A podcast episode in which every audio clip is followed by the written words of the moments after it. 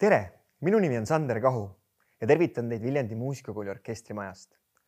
olen rääkinud üheksas saates Viljandi Muusikakooli õpetajatega, vilistlaste, õpilaste ja lapsevanematega muusika õppimisest. muusikat õppida on tore, head kuulamist.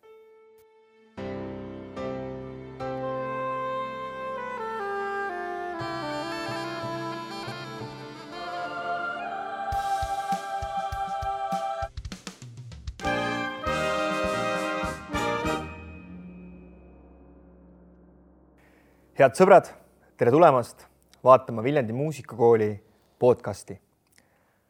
oleme otsustanud, et oleks praegu õige aeg rääkida Viljandi Muusikakooli õpetajate, õpilaste, mõne lapsevanemaga muusika õppimisest ja no õpetajatega ka muusika õppi-, õpetamisest.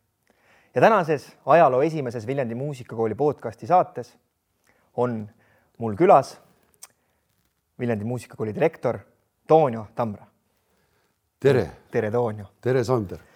tore on täna sinuga siin istuda ja see suur idee, mis on meil mõtteis olnud, oleme seda pikalt rääkinud, lõpuks on saanud siis reaalsuseks ja me istume siin ja räägime muusikast.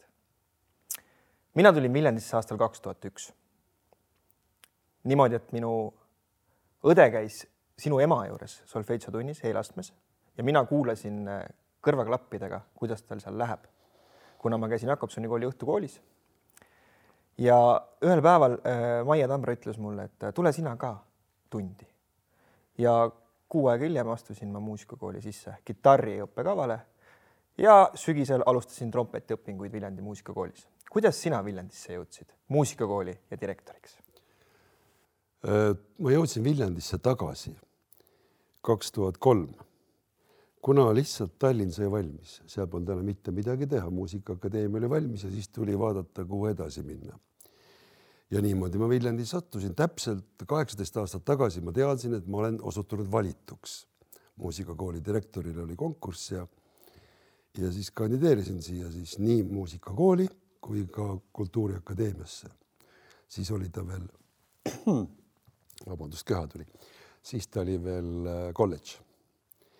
Aga siin ma mäletan tegelikult esimesena sellise hoopis teistmoodi situatsioonina, kui sa mul kabinetis olid ja kuskil vihapisaraid valasid seal, et sa ei taha enam trompetit õppida, et me võtame selle lõigu ka ikka vahepeale praegu, eks ju.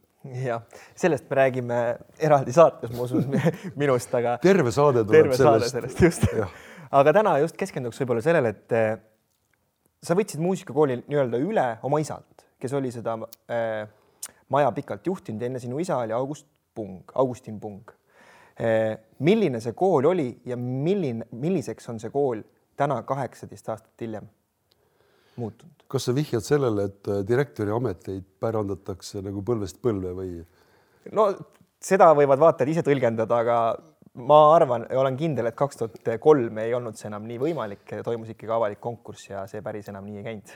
kui mina olin, õppisin ise muusikakoolis ja läksin siit edasi õppima, siis esimene amet, mida ma mitte kindlasti lubasin, et ma mitte kunagi ei hakka, on muusikakooli direktori amet. jah, mu isa oli olnud enne minu sündi juba muusikakooli direktor, alguses Abjas, pärast siis siin ja ma nägin seda elu liiga palju, liiga lähedalt ja liiga seest ja absoluutselt mind ei köitnud.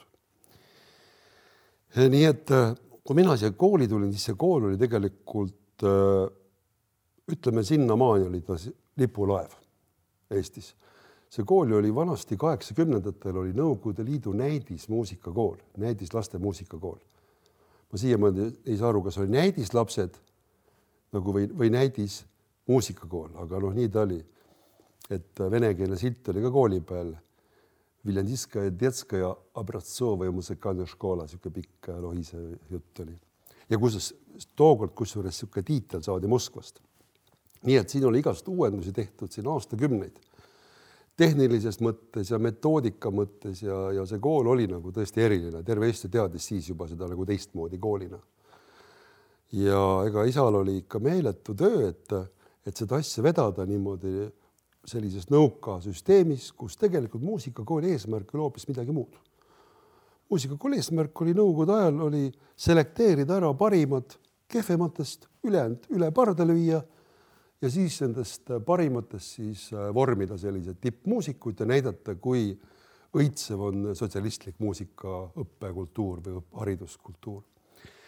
aga kaks tuhat kolm oli siis oli juba Eesti taasiseseisvumisest nii palju möödas, et aeg oli, oli tegelikult väga palju juba ka kooli muutnud, nii et kool oli ajaga kaasas käinud, nii et vastates su küsimusele otse, see kool oli tipp-topp korras, oli edumeelne ja linn oli eraldanud just sel aastal nagu ka raha, et äh, luua orkester siia mm.. nii et äh, selline oli seis, kui mina tulin ja ja, ja väga ja väga vahva oli. muidugi harjumatu oli tulla tagasi, tagasi vanasse kooli sest kui sul ikka isa ja ema on eluaeg siin olnud õpetajad, sa oled olnud ka teiste õpetajatega sellise noh, õpilasõpetaja vahekorras, esimesed aastad olid päris rasked mm.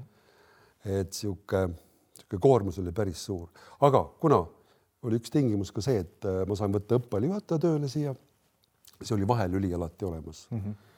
isa, ema ja, ja siis äh, ülemuse vahel ülemuse vahel jah, et ma ei pidanud nagu otse neid laibale kutsuma ja siis käske andma, nii et selles mõttes oli nagu parem. Eh, sa rääkisid ka, et said raha orkestrile, et eh, sinu tulekuga Viljandisse loodi ju natuke mõned aastad küll hiljem eh, tänaseks väga populaarne noorteorkester Viljandis, Viljandi Noorte Sümfooniaorkester. Ja see ruum, kus me praegu ka oleme, tegelikult on ju selle orkestri harjutusruum, praegu stuudio, et sa oled seda maja kaheksateist aasta jooksul väga palju uuendanud, sest et kaks tuhat kolm oli ju maja tegelikult ju täiesti teises seisus. Tänaseks on sellest saanud ju täiesti kaasaegne ja uus, uus õppeasutus. ka sul oli see visioon kohe, kui sa tulid, sest et sa mainisid ka seda, et Tallinn sai valmis. sa oled ju Eesti Muusikateatri Akadeemias seal olnud äh, ja selle uue maja valmimise juures, et kas sinu missioon siia tulles oligi võib-olla kõige suurem see, et sa tahad luua ka siia niisuguse väga hea keskkonna?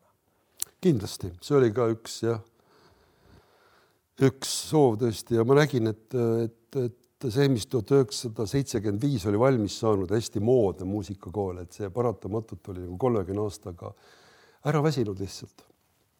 ja noh, tollased kõik akustika, ehitusakustika nagu normid, tingimused olid hoopis teistmoodi.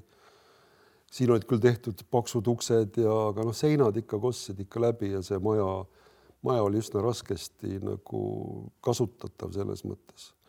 aga kui sa rääkisid orkestrist, siis siin ma räägin ka selle loo ära, et ma olen võib-olla rääkinud mõnikord juba, aga aga see ei ole jälle minu lugu, see on võib-olla Peep Aru lugu, et eh, kes oli enne toonast linnapead, oli linnapea olnud ja siis ta oli kuskil Hansapäevadel istunud mõnusalt eh, kuskil kohvikus, välikohvikus ja oli vaadanud, kuidas kohalik orkester mööda marsib ja siis ta unistas ka, et oleks meil ka Viljandis niisugune orkester olemas ja ja ja siis, kui ma tulin, ma lubasin orkestri teha.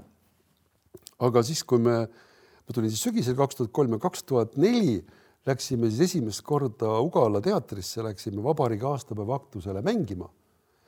ja, ja siis tuli välja üks huvitav tõsiasi, et nemad arvasid, et ma teen puhkpilliorkestri, mis marsib nagu ja mängib lõbusaid lugusid. aga meie tegime sümfooniaorkestri hoopis siin. et natuke läks nagu noh, nagu teist, teistmoodi see asi samal ajal muidugi me ka puhkpilliorkestri panime uutel alustel käima ja, ja, ja see töö läks ka tegelikult edasi ja ja noh, tänaseks on jõudnud siin tänu Perdile väga kaugele. just, et sa rääkides orkestrist, et eh, kunagi kümme aastat tagasi oled sa ühes intervjuus öelnud, et eh, su tütar ütles, et Viljandi on üks igavene pommiauk.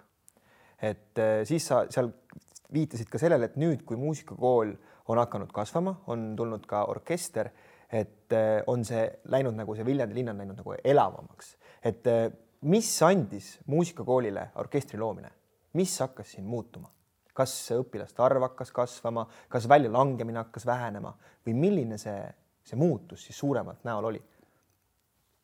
kõigepealt ma kommenteeriks tõesti, et mu tütar ütles jah, et eh, Viljandi on pommiauk, aga samamoodi ütlevad tallinlased, et Tallinn on pommiauk Helsingi kõrval ja nii see läheb Helsingi, Berliini kõrval, et kõik on suhteline.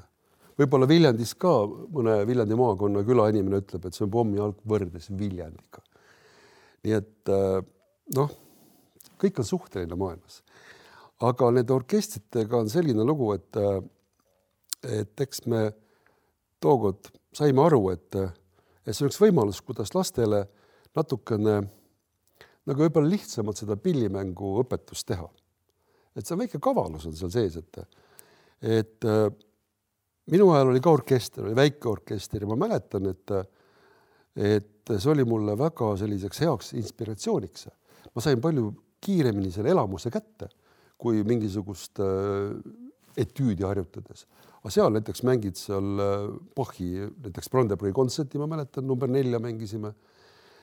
ja, ja jõle kihvt oli, tšellod mängisid, viiulid teised ja siis õpetajad ka veel mängisid kaasa. et see oli nagu omamoodi selline, selline kihvt muusikatunnetus ja, ja orkestritega me olemegi nagu proovinud ja saanud selle tulemuse, et tegelikult laps, kes tegelikult ise võib-olla veel ei valda üldse pilli nii palju, aga koos mängude, mängidesse see sünergia on niivõrd suur ja, igaühe panuse, et see tulemus tegelikult üllatab nii lapsi, õpetajaid kui lapsevanemaid. Et see on fenomenaalne asi. Ja pluss veel, veel üks kaval asi. laupäeviti on proovid meil siin äh, sümfooniaorkestril ütleme neli tundi järjest, puhkpilliorkester iga nädal siin poolteist tundi korraga.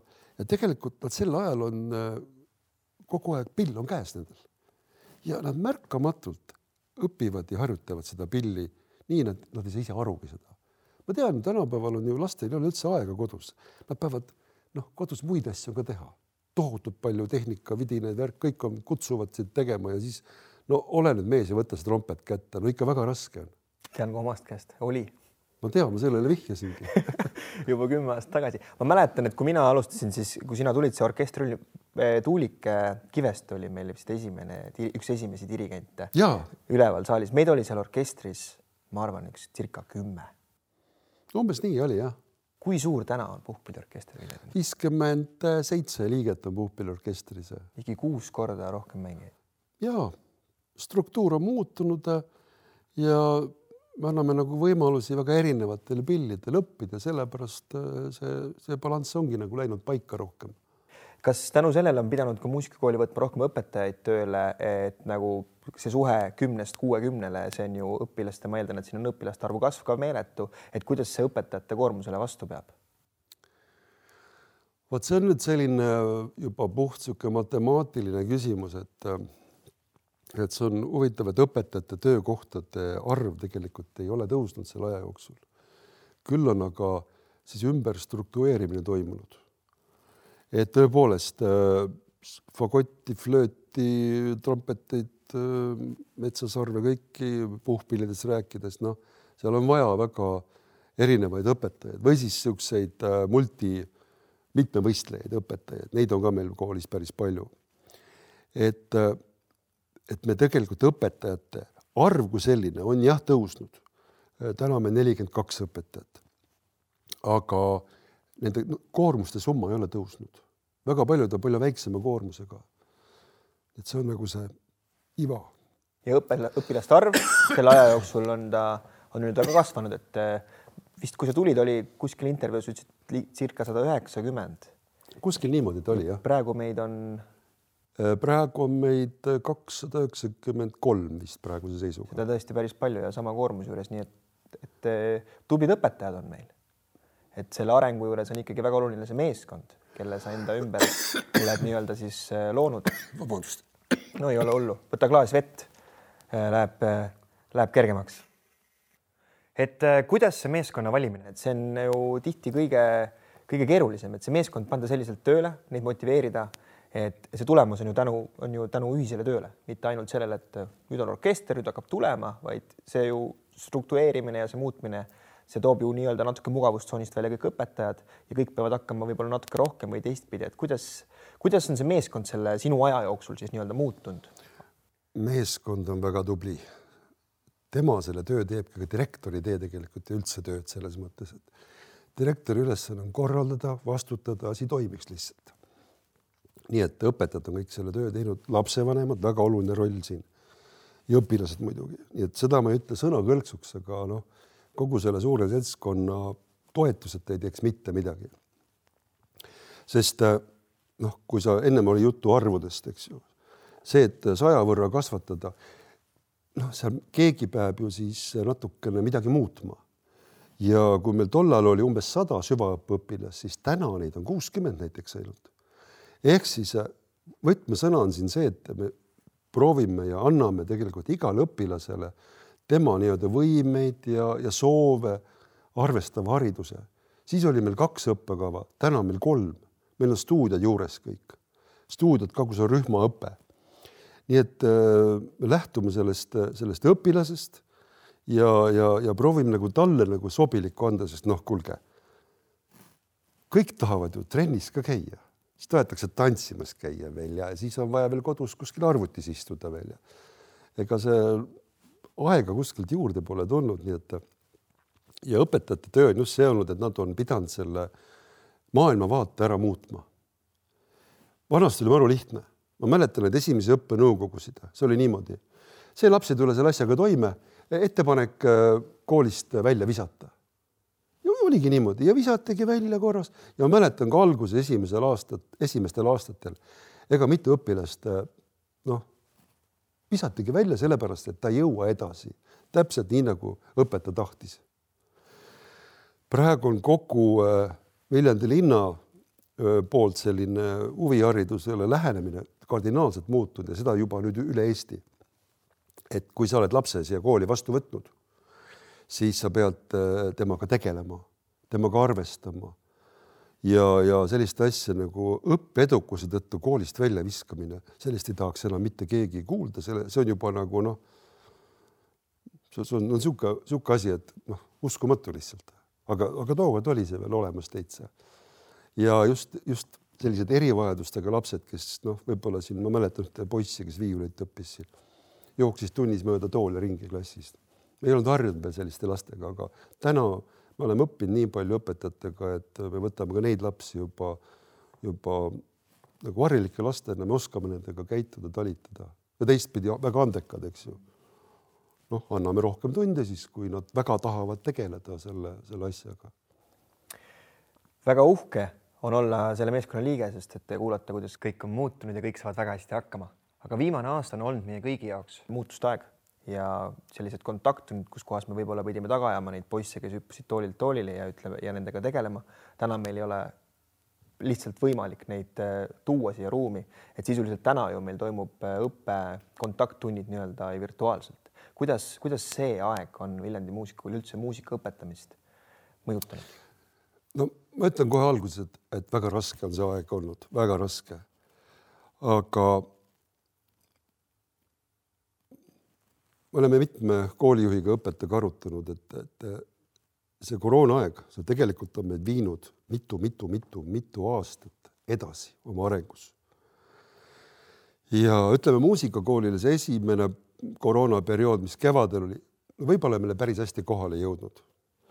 see, see tegelik äh, olukord, aga praegu viimane, täna on meil, eks ju, kaheksateist aprill, kui me lindistame. me ei tea veel, mis nüüd pärast koolivaheaega hakkab ja, ja nüüd ma vaatan, et õpetajad võtavad ka hoopis teistmoodi seda olukorda ja, ja just selliselt, et need ajad võivadki veel tagasi tulla ja korduda. ja me peame olema ka tegelikult valmis selleks. et me ju teame, et äh, pool maailma või enamus maailmast õpib kitarri, klaverit mitte õpetajaga, see on luksus, mis meil Viljandis on ja Eestis, vaid äh, õpitakse internetist.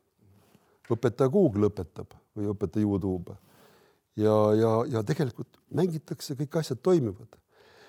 täna on siis see olukord, kus me oleme hakanud mõistma, et tegelikult tehniliste vahenditega see oleks meile suur pluss, kui me saame neid äh, kasutada ja, ja oma igapäevases õppetöös neid asju juurde võtta. õpetajad saaksid palju efektiivsemalt oma tunde läbi viima, viia, sest ega tõesti mugav on nii-öelda üks-ühele kontakttunnis neid asju teha, kui, kui niisugune võimalus on aga noh, me oleme kool, kes ka raha loeb kõvasti. nii et jah, juba see on meil täna paigas, et ka siis, kui koroona möödub, et ei ole mõtet maailma siin eh, CO-d kaht, CO kahte siin eh, panna atmosfääri ja siin muudkui õpetajad sõidavad edasi-tagasi siin Tartust, Tallinnast, Pärnust, et, et kindlasti nende sõitmine ka väheneb tulevikus. et jah, me oleme väga palju muutunud, muutumas ja me võtsime nüüd uue kooli arengukava vastu ja ausalt öeldes nii palju ei ole me oma arengu üle varem kunagi arutanud, mõtisklenud ka tegelikult, kui nüüd see aasta. ja kokkuvõttes ma arvan, et meil õpetajad, lapsed, lapsevanemad on vastu pidanud, meil on väljalangemus võrreldes siin väga mitme muu kooliga on väga väike ikkagi. ja noh, täna ka ma palun kõiki, et palun ärge andke koduseid ülesandeid. sest noh, tunnis on üks-ühele õpetada väga lihtne. Aga kui sul ei ole enam seda kontakti otsest olemas, siis teine lihtne asi on see, et sa muudkui laod neid ülesandeid lapsele. laps on niigi koormatud juba ja nüüd ta peab hakkama ise mõtlema, ta ei saa tihtipeale aru nendest asjadest, mis õpetaja tahab seal. ta ei näe kõik äh, puust punaseks ei tehta ette. nii et praegu me oleme keskendunud sellele, et see, see kolmveerand tundi kontakti, mis on ka läbi selle veebi, et see oleks tõesti õpetav ja aitav. Mitte nii, et ma selle aja jooksul ainult mõtlen välja, mis lapsele ülesandeid anda. ta niikuinii ei tee neid kodus, tal pole aega. mul on omal ka nüüd kaks õpilast ja ma ütlen rahulikult ära, tead sa ei pea üldse mitte midagi kodus tegema, teeme tunnis kõvasti tööd. ja nad julgevad tunni tulla, nad ei pea poppi tegema, eks ju. ja ma mõtlen, vanasti tuleks mul ka niimoodi olnud. oleks palju ilusam elu olnud.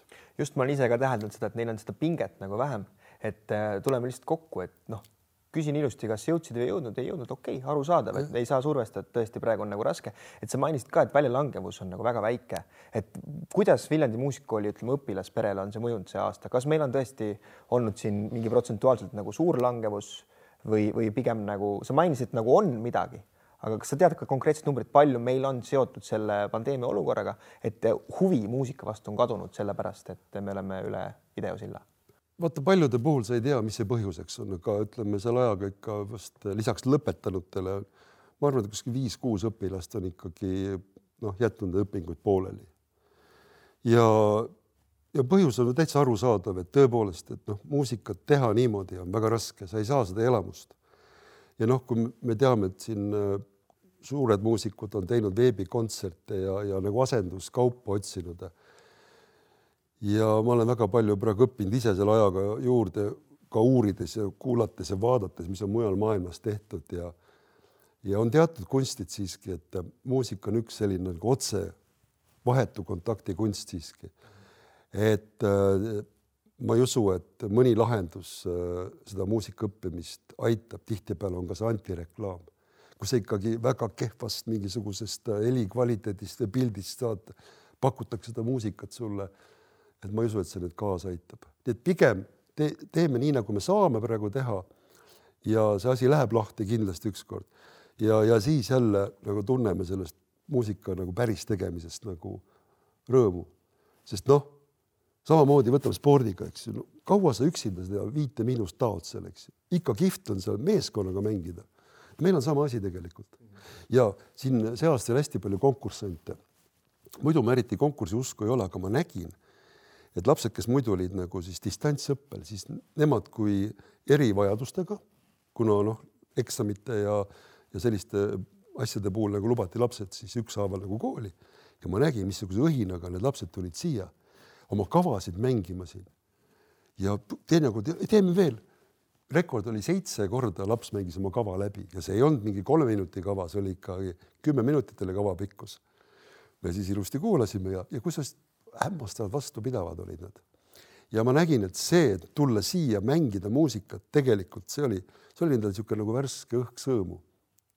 värske sõõm õhku vist niimoodi jah just, et ma mõtlen, et see annab tegelikult rohkem võimalusi, et muidu sul on üks katse, et eh, ma omast kogemust mäletan, kui konkursil käid, kui sa ebaõnnestusid, siis sa lihtsalt ebaõnnestusid. aga nüüd sul on lihtsalt mitu võimalust, et kui sul läheb nagu läheb sassi, sa natuke kogud ennast ja võetakse nagu uuesti linti, et eh, ma kujutan ette, et konkurents on palju tihedam täna taseme poolest? ja, ja ma vaatasin, et kuulasin kõik need läbi, need erinevad konkursid siin ja ega tase ei ole langenud selles mõttes.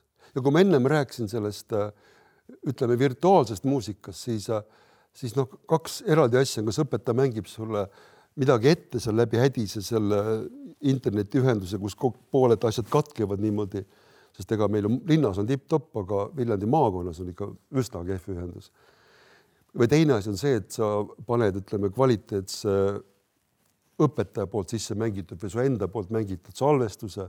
me oleme praegu väga palju hakanud just nimelt äh, pildiga asju tegema koos.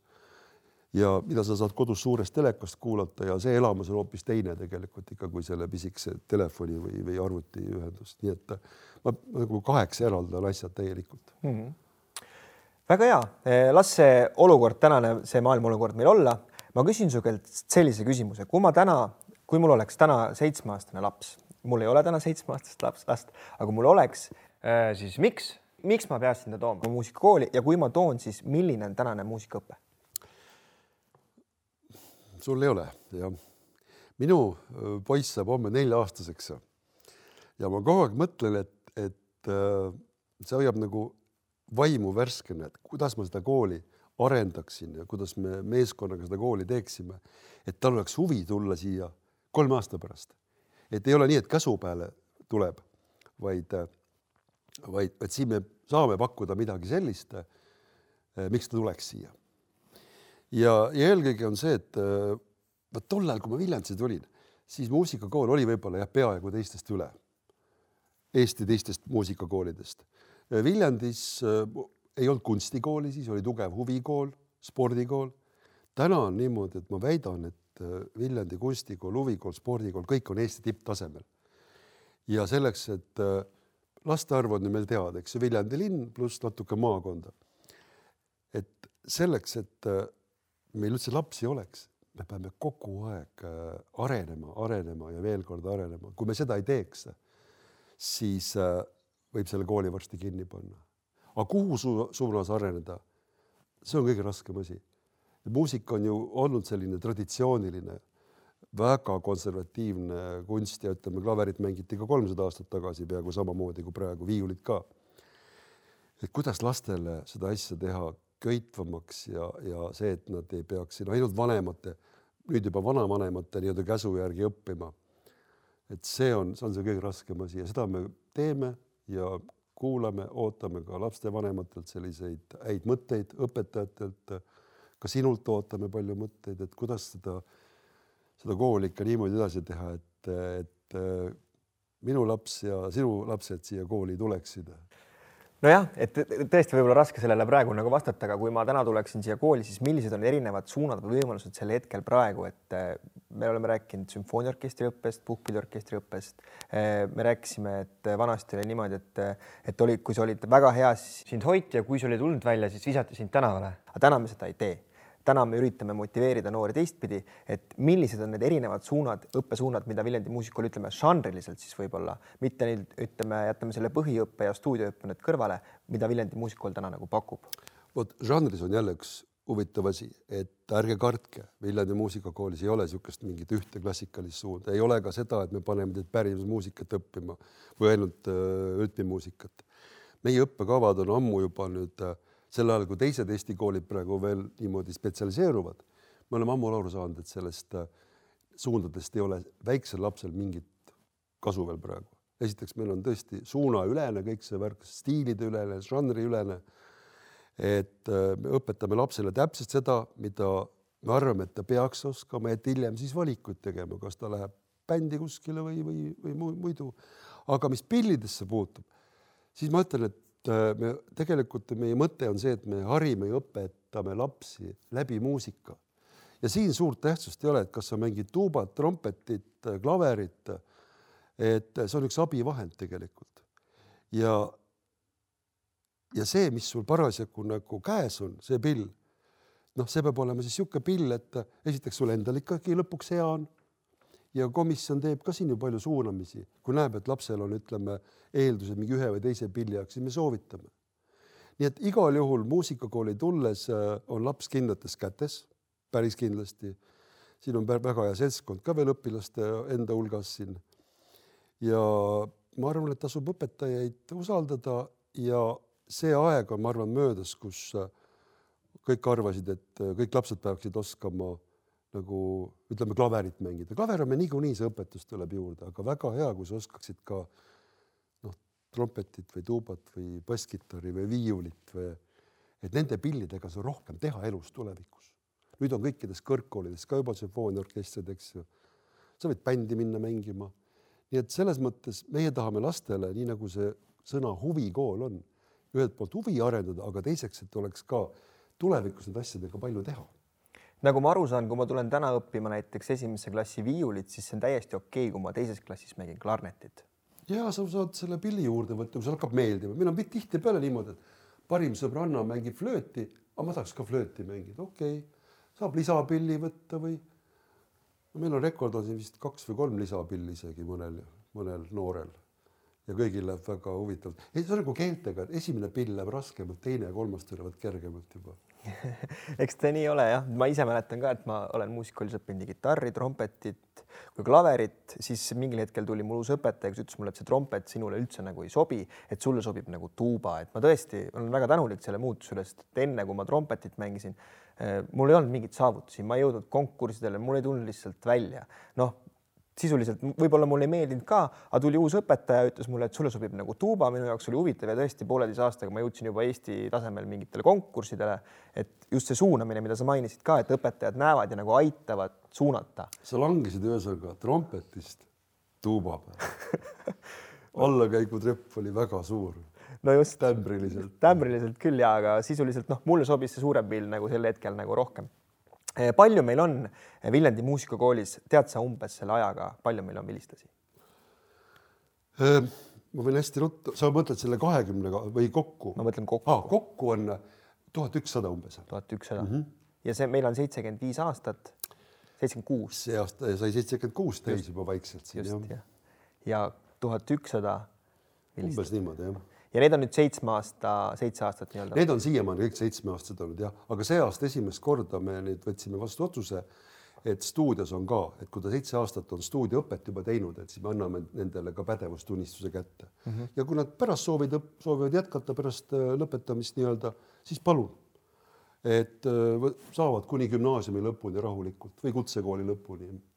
nii et kõik võimalused on olemas väga palju on räägitud elukestvast õppest, kas Viljandi muusikakoolis on võimalus ka minuealisel tulla esimest aastat õppima? on küll.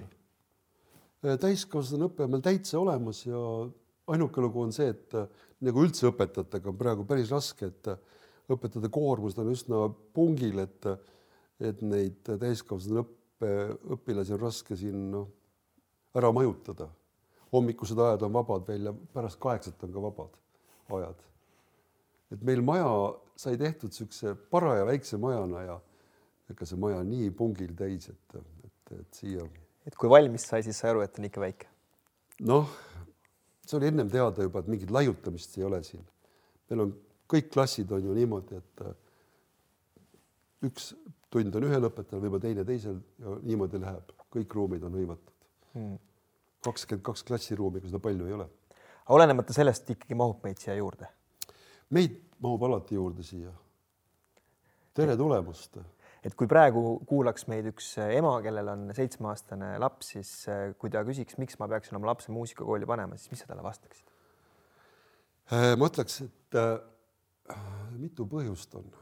muusika on niisugune hästi tore ja ja hingeline selline kunst, see annab väga palju nagu inimesele nagu häid emotsioone juurde ja tegelikult ta kasvatab ka juba läbi muusika seda last hoopis teisele nagu levelile. noh, ma ei taha midagi boksi kohta öelda. aga ma just ükspäev võrdlesin, et et need vahendid lapse kasvatamiseks on teised natukene. ma saan aru, et tänapäeva boks on hoopis midagi muud ja kõik äh, karateed ja seal on noh, nii palju muutunud. aga, aga ma arvan, et see emotsionaalne pool on, see on see, mis nagu nagu väga tuleb kasuks ja olgu siin ka öeldud, et kurjategijaid on väga vähe muusikakoolide lõpetanute hulgas. võib-olla kedagi on, ma ei tea ühtegi. Äh, see on üks asi kindlasti ja teine asi on see, et, äh, et need lapsed on siin kontrolli all. me tegeleme nendega kogu aeg, isegi siis, kui nad siin koridoris omavahel jutustavad ja, ja saavad sõpru juurde ja ja ütleme, huvikool on niisugune ülelinnaline, üle maakonnaline selline süsteem tegelikult, nad saavad väga paljude lastega tuttavaks. et see on ka oluline tänapäeval ja see aitab ka, ütleme nendelt siis nende taskuseadmetelt eemal hoida korraks, et vähemalt sel ajal, kui nad on siin, nad ei tegele sellega. ja kolmandaks muidugi kindlasti need pädevused, oskused, mis nad siis saavad. Need on need, mida sult mitte keegi, ükski majanduskriis, ükski koroona sult ära ei võta, mitte midagi see jääb sulle eluks ajaks. ja noh, neljandaks on see ka muidugi, et linn toetab ja omavalitsused toetavad. lapsevanem ju maksab kuskil kuni kakskümmend protsenti ainult õppetasust, ülejäänud on kõik omavalitsuste kanda, aga noh, täna on meil niisugune olukord muidugi, et me kõiki vastu ei saa võtta, nii palju kohti meid ei ole, nii et meil on kahjuks selline väike konkurss ka mm. -hmm. on vastuvõtukomisjon, kes kevadel nüüd juunikuus hakkab tööle jälle ja sellised. suurepärane, aitäh selle kiire tutvustuse eest, mis on võimalik muusikakoolis teha, mis on sinu ajaga siin muutunud kui mul on hea meel kuulda, et meil on väga uhke meeskond, kõik on väga tublid ja on väga hästi hakkama saanud sellel raskel pandeemia ajal, et distantstunnid toimuvad väga edukalt ja väljalangemisprotsent on üsna väike. Ma soovin sulle jõudu selle maja meeskonna juhtimises ja siiralt tänan sind selle aja eest, et selle avasaate said minuga koos vestelda ja ma luban sulle, et me teeme ühe saate ka sellise, kus kohas me vahetame kohad ja sa saad mult kõike küsida mida sa oled võib-olla mõelnud küsida? oi, ma küsin siis, oi, ma küsin aitäh ka kõikidele kuulajatele ja hoidke meie kanalitel silma peal, sest et õige-õige pea tuleb ka saateid teiste külaliste, õpilastega, vilistlastega, õpetajatega ja ka lapsevanematega. aitäh, elagu muusika, elagu Viljandi muusikakool. elagu, nägemist